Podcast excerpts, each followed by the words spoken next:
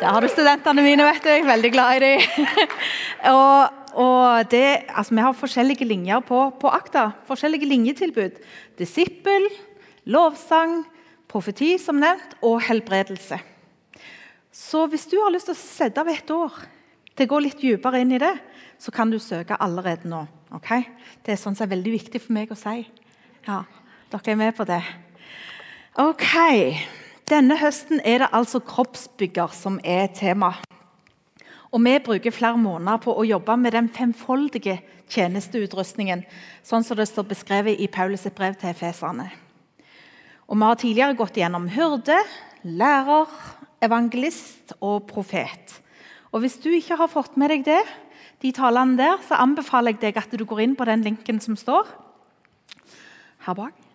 Eh, og hvis du er inne på sida, så står det altså 'inn under media' og så taler. Og Der finner du all undervisningen både fra denne taleserien og andre taler fra IMI. Og Hvis du ikke har tatt den testen som viser din utrustning, så kan du fortsatt gjøre det nå. Og Da går du inn på den linken der som er fivefoldsurvey.com. Og Der er den på engelsk, så du allierer deg med noen hvis du syns det er litt krevende og så kan dere gå igjennom det sammen. Og Hvis du da altså ikke har tatt testen ennå, fordi at eh, du nekter å la en test definere hvem du er Så vil jeg bare si at eh, denne testen kommer ikke til å forandre noe som helst på hvem du er. Ikke en tøddel. Du kommer til å være akkurat den samme etter du har tatt testen, som du var før. Men hvis du har lyst til å få litt mer innsikt i hvordan Gud har skrudd deg sammen og utrusta deg, så anbefaler jeg deg å ta testen. Og enten du vet hva din utrustning er, eller du eh, lurer litt på det, så er du velkommen til å bli med i ei huskirke. Og Det er utrolig fint å få gå sammen med noen andre som enten kan bekrefte det som du allerede vet, eller som kan eh, kalle fram det som du ennå ikke har har sett i deg sjøl. Det er utrolig fint. Og Denne høsten har det vært mange femfoldige åpenbaringer rundt omkring i huskirkene. Eh, og det kommer definitivt menigheten til gode. For det er altså nettopp det som er hensikten med den femfoldige tjenesteutrustningen. Sånn som det omtales i Efeserne 4. Og Vi skal ta oss tid til å lese den i dag òg.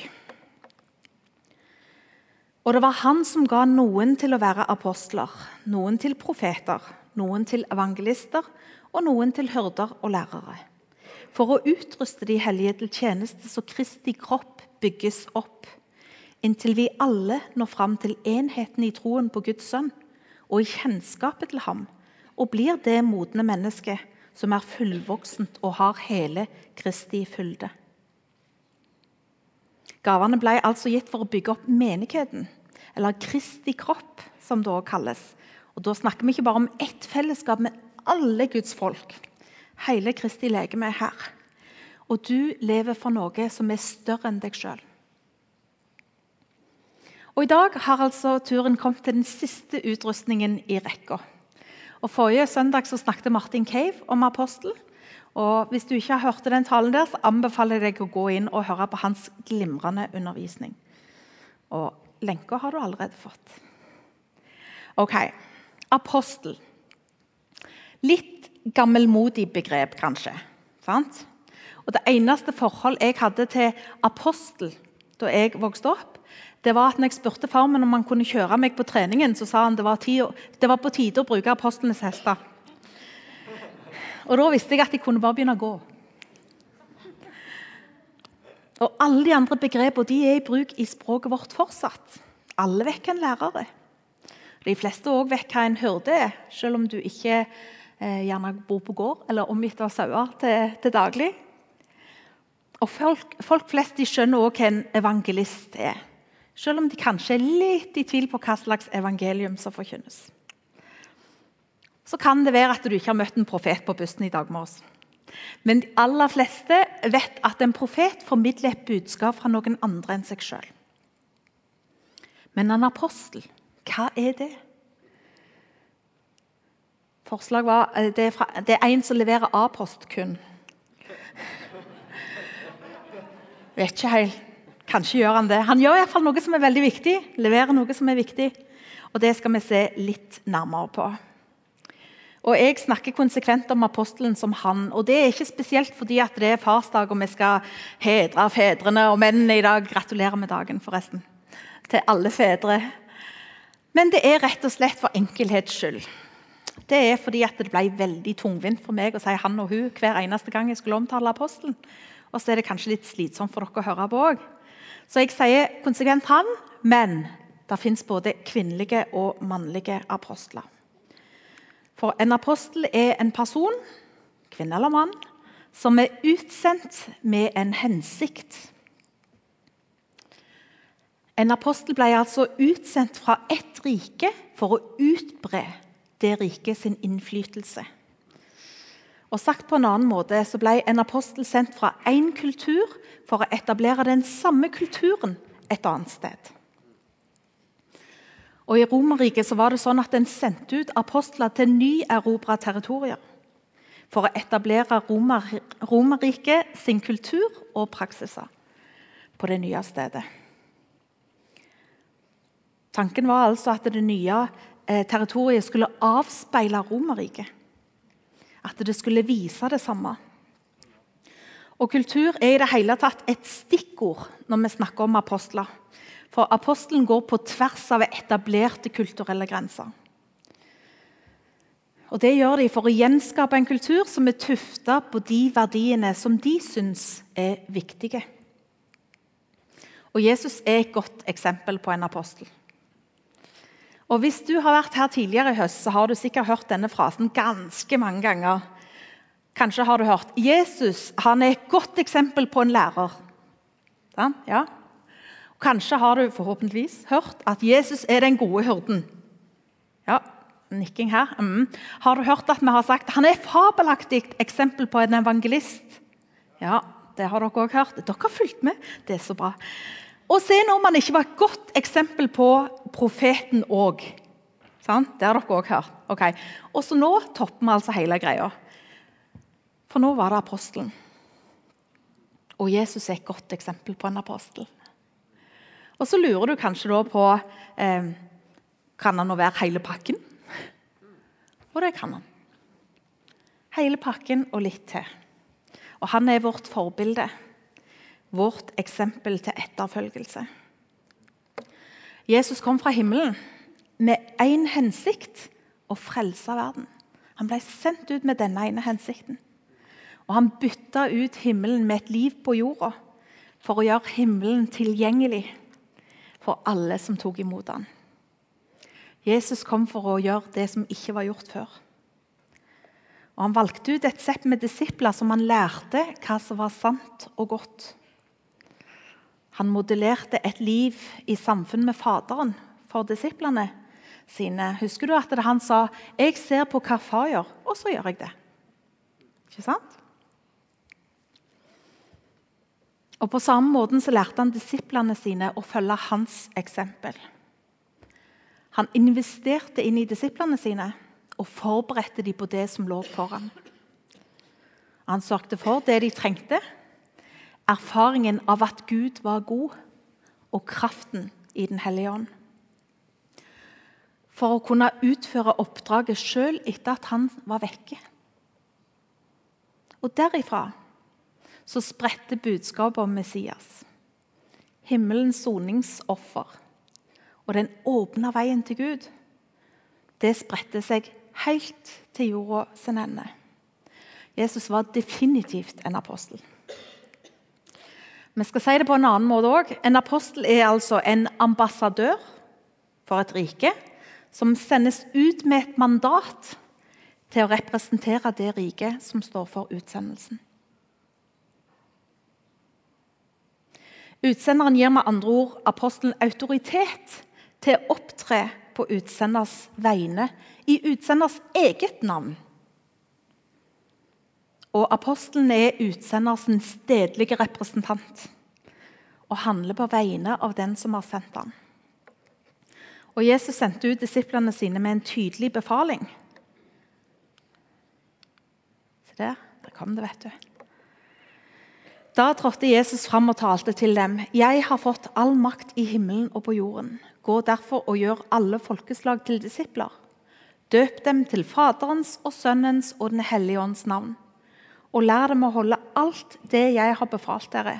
Og se, jeg er med dere alle dager inn til verdens ende. I verset før så står det at noen av disiplene falt ned og tilba, mens andre tvilte. Og midt inni denne flokken av tilbedere og tvilere så står Jesus fram uten forbehold og sender de ut i all verden. Skulle tro han valgte ut de mest inderlige. He? De sterkeste tilbederne. Men han står midt inni denne flokken av troende og tvilere og sier det er dere. Det er dere. Fortell om meg. Vis folk i retning av Han som har sendt meg. Og Det kan nok være at du tviler eller stotrer eller stammer litt. Men himmelen står fast. Den treenige Gud er fortsatt virkekraftig. Uansett hvordan dagsformen din er, gå nå! Fritt etter Bibelen. Og de visste hva de hadde å komme med. Matteus 10, 7-8 sier Gå og forkynn, himmelriket er kommet nær. Helbred syke, vekk opp døde, gjør spedalske rene og driv ut onde ånder. Gi som gave det dere fikk som gave. Altså, Jesus hadde etterlatt i Den hellige ånd. Skaperkraften. Den kraften som reiste Jesus opp fra de døde. De hadde fått Den hellige ånd i frelsesgave. Og han bodde i dem. Og derifra så lekte han ut. Han lekte ut og forandra liv og omstendigheter.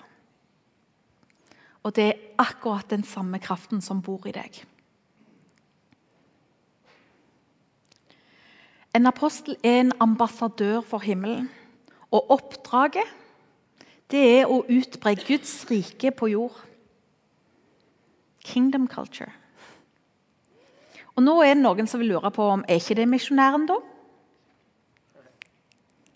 Og jo da, det er det òg. Men det er mange misjonærer som er lærere, hyrder, evangelister eller profeter. Og apostler.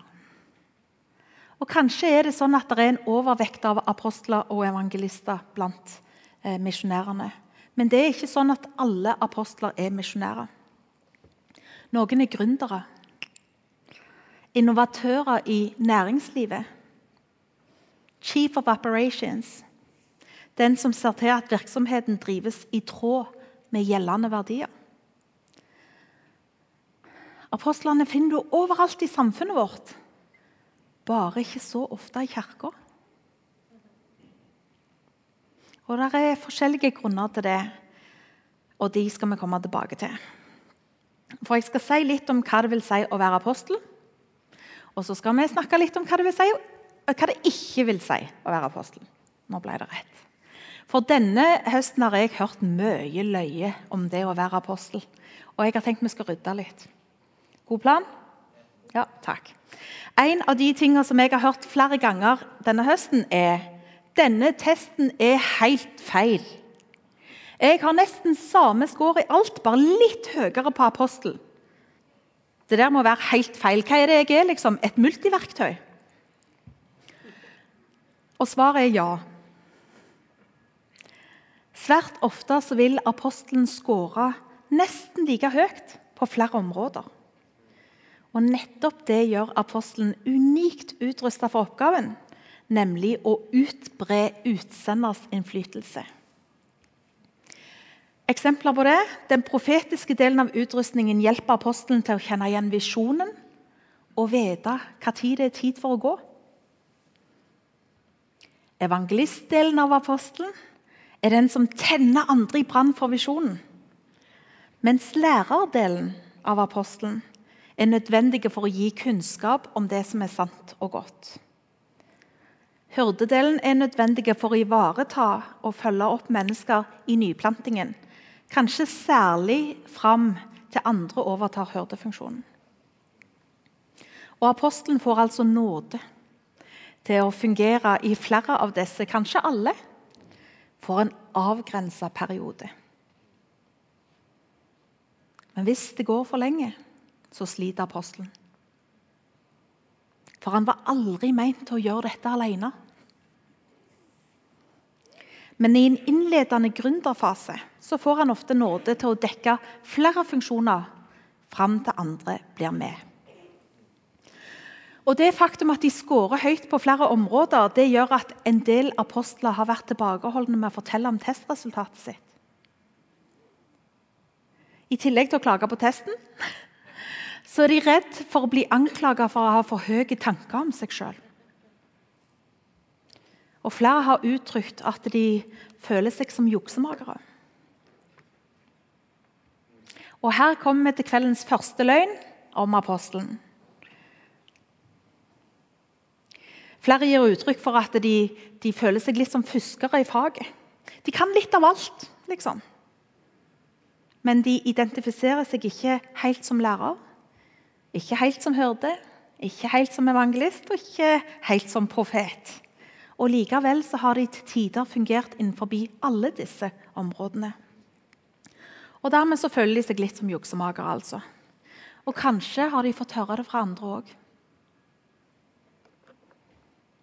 Men det er løgn. Blank løgn. Faktum er at apostelen er unikt utrusta ved Guds nåde til å utbre Guds rike på jord. Og Han som er utsender, han har gitt apostelen alle de ressursene som han trenger for å kunne fullføre oppdraget. Ok, Vi skal gå gjennom flere løgner. En annen løgn som ofte går gjennom apostelen, er denne. Han fullfører aldri noen ting. Noen som har hørt det? De er proppfulle av ideer og har masse pågangsmot. Men hva blir det egentlig av dem? Og Noen kan selv kjenne på mismotet over det som en anser for en hel rekke med halvferdige prosjekter. Men hva er egentlig eh, apostelens oppgave?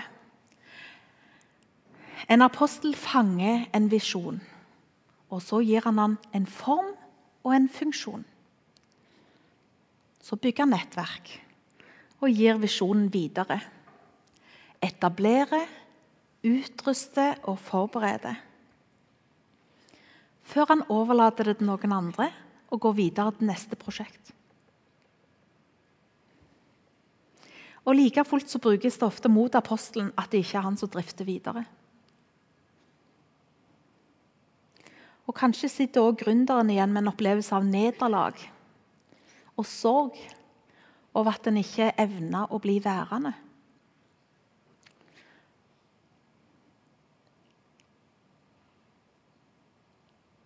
Jeg vil snu det litt på hodet og si at den apostelen som drifter noe etter ti år, eller ti år etter etableringen, har faktisk forsømt å gi det videre. og på den måten neglisjert sin unike utrustning som initierer.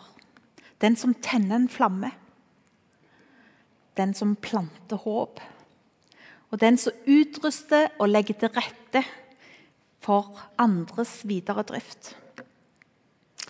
Hvis du nå tenker jeg tror jeg adopterer en sånn apostelutrustning Jeg tror jeg adopterer en apostelutrustning for ei uke, sånn at jeg kommer meg ut av alt det som jeg syns er kjedelig så er det ikke sånn det virker. Men hvis du er en apostel, så er det helt normalt at du er rastløs, og at du stadig speider etter nye prosjekter. Det er sånn du er skrudd sammen. Ok, Her er nok en løgn om apostelen. Han evner ikke å tilpasse seg andre. Han må alltid skape noe eget. Han verdsetter ikke det som de andre kommer med. Blank løgn. Det er jo nettopp det han gjør. Det er jo fordi at apostelen gjenkjenner verdien i det han kommer fra, at han vil ta det videre til et annet sted og foredle det. Men apostelen trenger å være bevisst på at det kan oppleves som en avvisning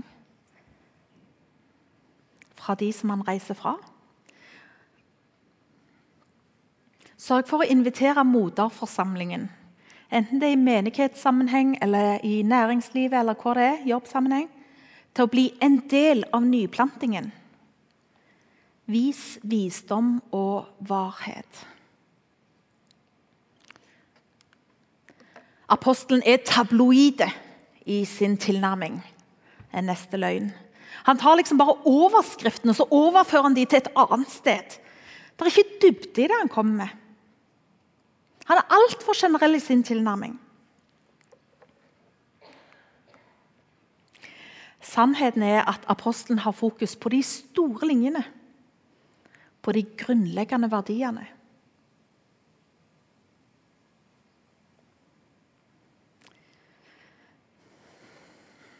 Det er de han vil ta videre.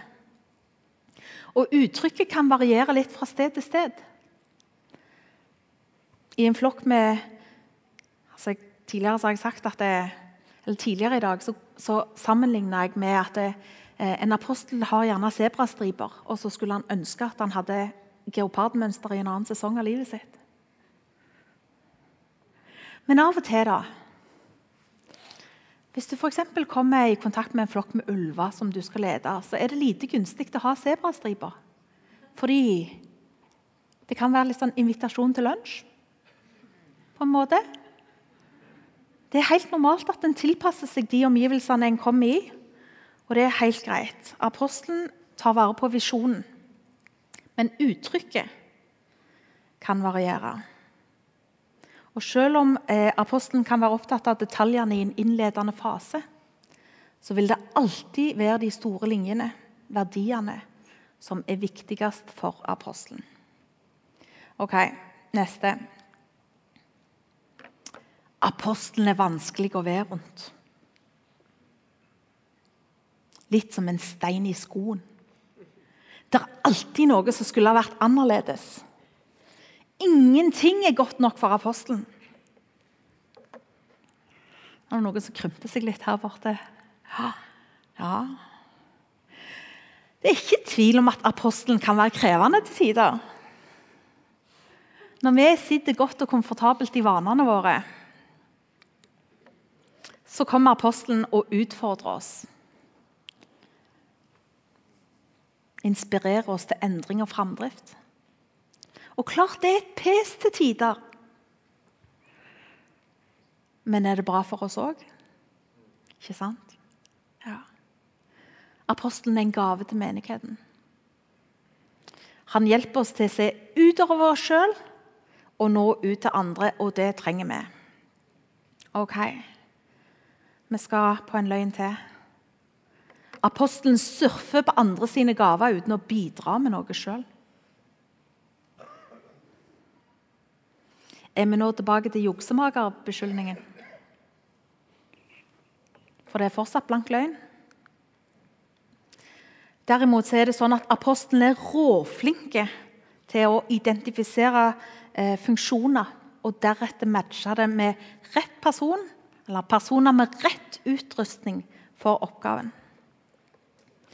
Og Apostelen kaller fram gullet i folk og istandsetter de til å leve i kallet sitt. Det er apostelens sterkeste bidrag.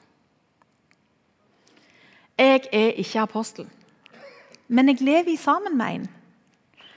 Eh, og Det har gitt meg mulighet til å observere hvordan det ser ut for en apostel i det daglige livet. Ta vel imot min mann Thomas.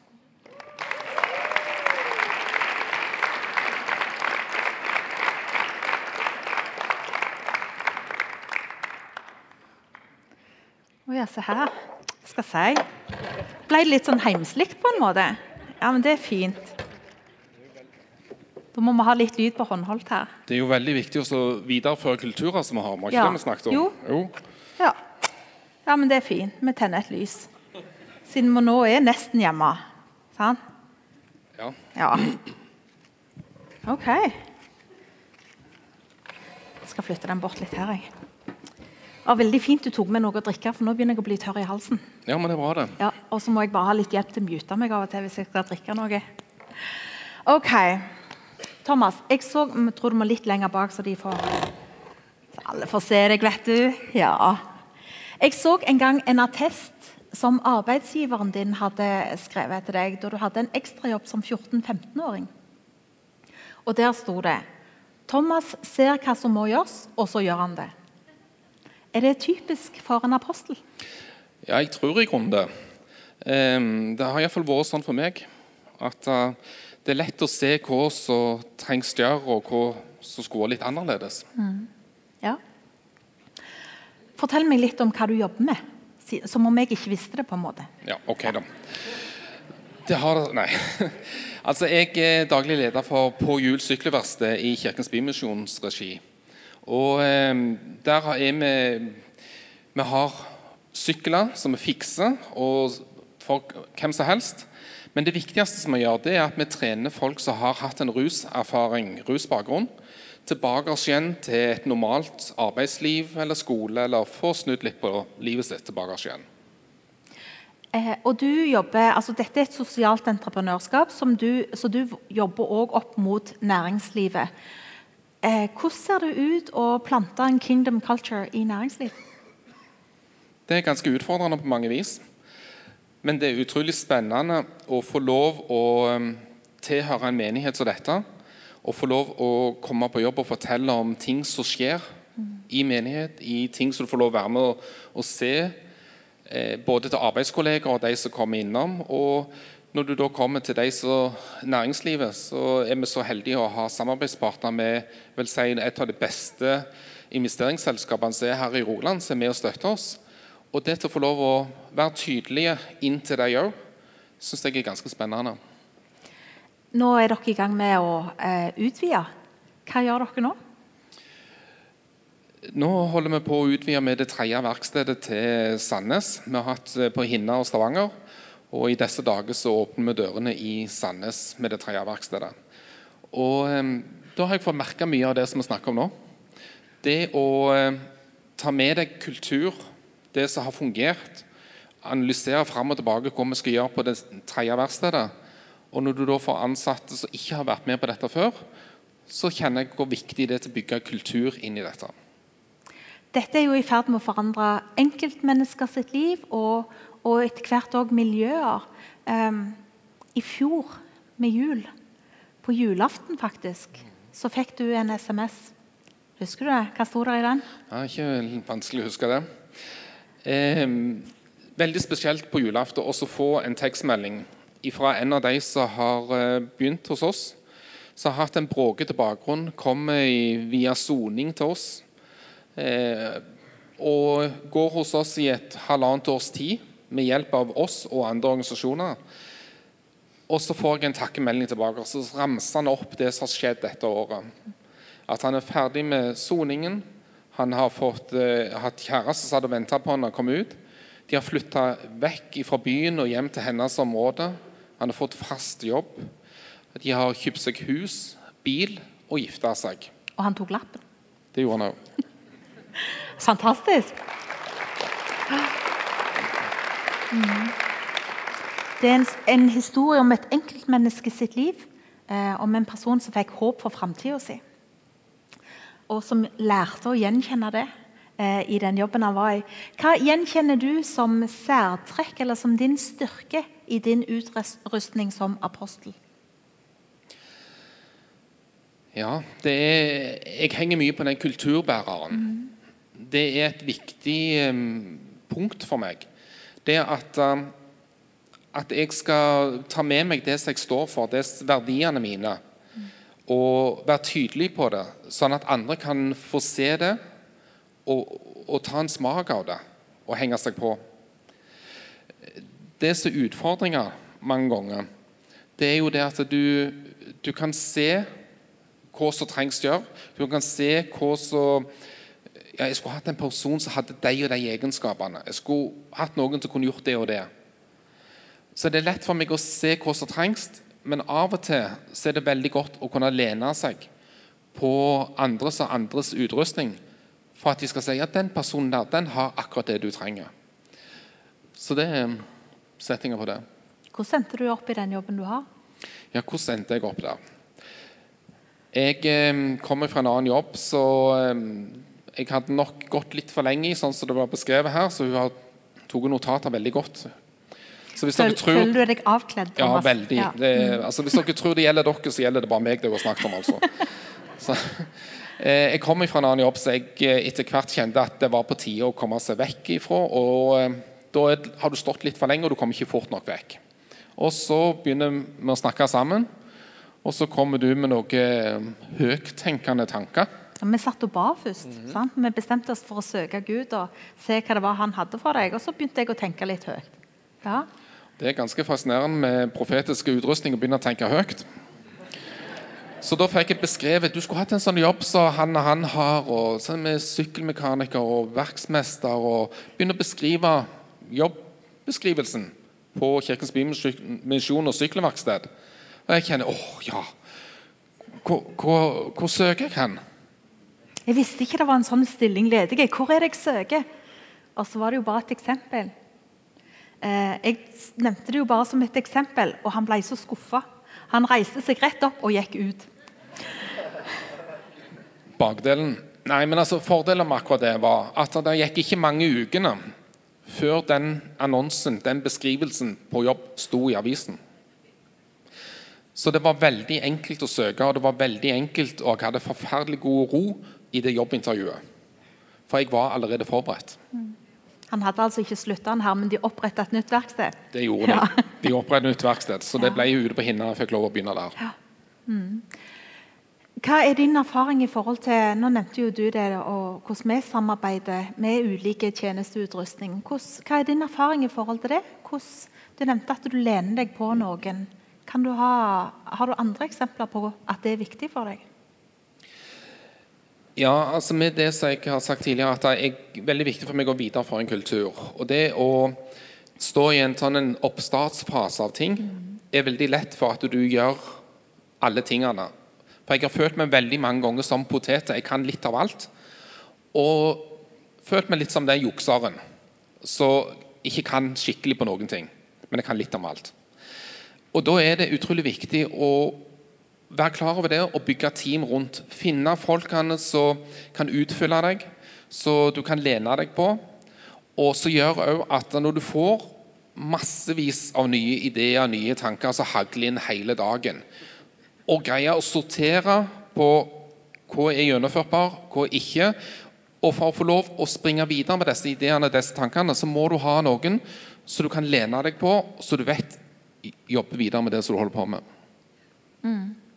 Eh, tidligere i dag på G11 så var Marit her, som eh, bor i Thailand til vanligvis. Eh, jobber i Thailand og Laos, og som er et godt eksempel på en kvinnelig apostel. Og hun fortalte litt om det. Veldig inspirerende. Men det er ikke så mange kvinnelige apostler som vi møter. Hva tenker du om det? jeg tror det er mange av dere som er apostler. Men jeg lurer på om det kan ha litt sammenheng med det at det, du må faktisk stikke det litt fram. Jeg tror det er mange som har fått motstand, fått eh, blitt trykt litt ned. For det at du, du, er, du, kan gjøre så mange ting, og så blir du blir litt sånn engstelig for å stikke deg fram, tror jeg. Jeg tror det kan være medvirkende i det. Men det er litt synd, sånn at vi må oppmuntre flere dame som kjenner på denne utrustningen, som kjenner at dette stemmer Ta altså, Rist av dere de løgntankene som blir kastet over dere, og kjenn etter. Kom an, stå for det. Gå for det. Veldig bra. Veldig viktig. Og hvis du, er, hvis du kjenner at ja, ja, dette er egentlig ganske skummelt for meg, det gjør meg litt redd, eh, så var det utrolig fint å høre Marit snakke om tidligere hvordan hun hadde fått nåde til å stå i situasjoner der kvinner egentlig ikke var velkommen, i land der kvinner egentlig ikke var ønska i lederskap, og der hun allikevel hadde møtt favør og velvilje. Fordi at hvis Gud gir et kall, så gir han òg alt det en trenger. Så vi har bare lyst til å, oppmuntre dere, kvinnelige apostler, ta et steg opp. Ta et steg fram. Vi heier på dere. Mm. Tusen takk, Thomas. Mm.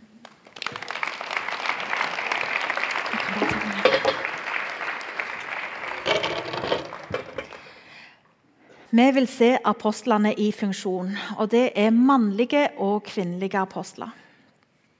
Og En av studentene mine fortalte meg denne uka at hun har lagd seg et, et, såkalt vision board. Eh, der hun skriver opp det som hun vil ta med seg fra IMI til den framtidige menigheten som hun skal starte. Eller som hun skal lede. Er ikke det fantastisk? Jeg kan godt klappe for det.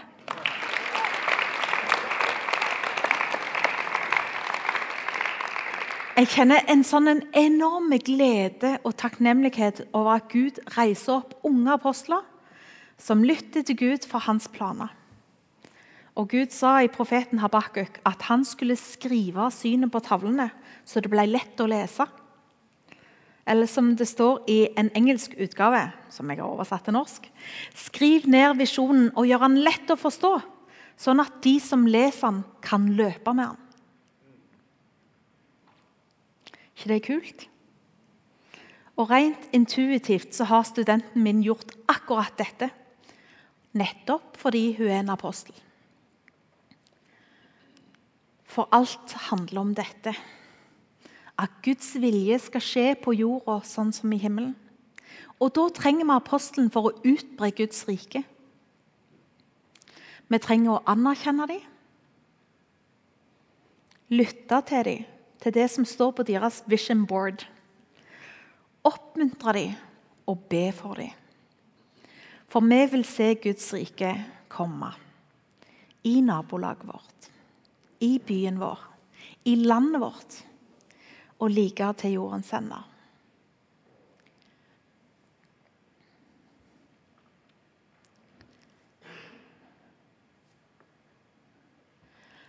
Det bekymrer meg at apostlene er litt usynlige blant oss. For det strider egentlig mot deres natur. Og vi trenger dem. Så nå har jeg tenkt å utfordre dere litt. Alle dere som visste før vi begynte på denne taleserien her, at dere var en apostel, kan dere rette opp ei hånd? Bare hold den oppe så jeg får se. Ja. Takk. Og for dere som har blitt klar over det nå i løpet av taleserien, kan dere rette opp ei hånd. Mm. Takk. Vi vil be for dere. Vi vil anerkjenne dere, vi vil vite hvem dere er, så vi kan heie på dere. Og Her og nå vil jeg be dere om å reise dere opp. Sånn at vi som familie kan stå i sammen rundt dere, lytte til Gud for dere og velsigne dere. Kan dere gjøre det? De to gruppene som jeg nevnte, kan dere bare reise dere opp. Krever kanskje litt mot dette, men vi heier på dere. Ja. Og Hold gjerne oppe ei hånd òg, sånn at etter hvert som folk reiser seg opp, så ser de hvem dere er. Da kan dere reise dere familie, og så kan vi samle oss rundt dem og be for dem og velsigne dem. Ja, Det er derfor du holder oppe ei hånd, for at vi skal vite hvem du er og kan be for deg. Dette vil vi ikke gå glipp av. Er det noen nå som er apostel, som ikke har noen som ber for dem? Etter hvert som dere har noen som ber, så kan dere ta ned hånda. det er greit. Men er det noen igjen som ikke har noen som ber for dem, så vink til meg. Nei, det er greit. Der bak er det noen. Ja. Andre? OK. Da ber vi. Gode Hellige Ånd, kom og vis oss hva du har for hver enkelt. Far, vi takker deg for de som står her. Vi takker deg fordi at du har unikt utrusta dem til å utbre Guds rike.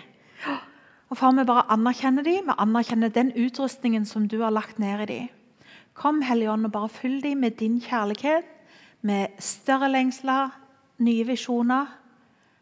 Kom og vis hvem du er. Folkens, bare be for dem. Lytt til Gud for hva han har for dem.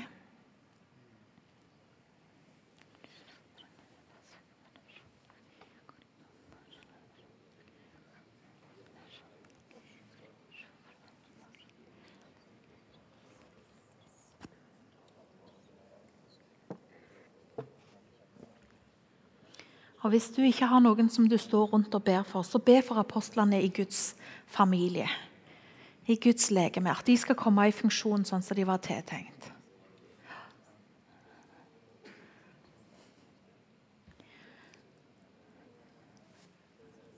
Hvis du har fått ord fra Gud til dem, så del med dem.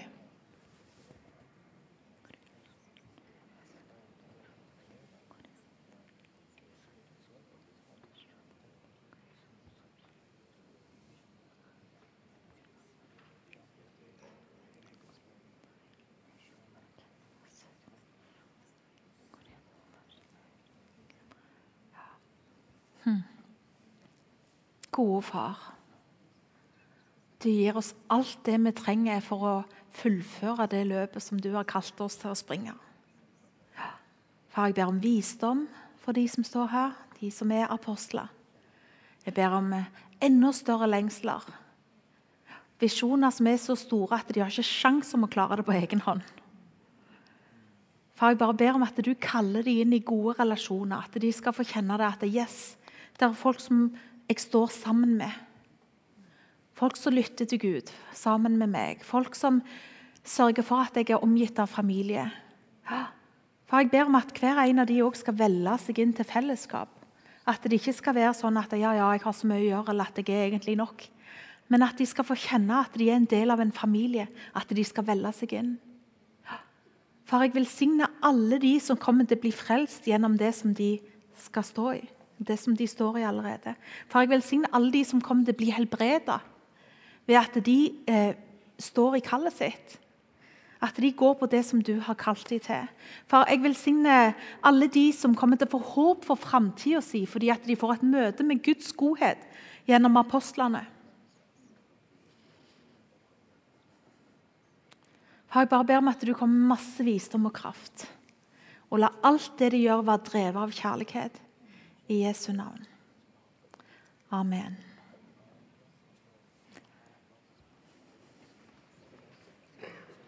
Vær så god, sitt, folkens.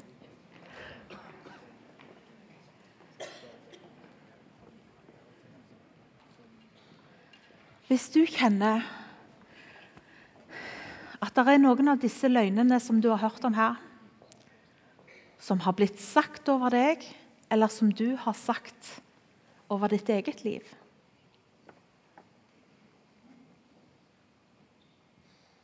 Så skal du få legge de fra deg her i dag.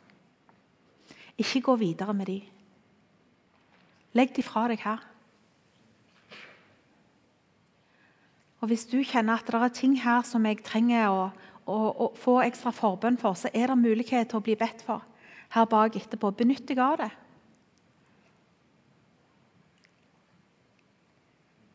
Du får en anledning til å tilgi de som har eventuelt sagt noe over deg som ikke var sant.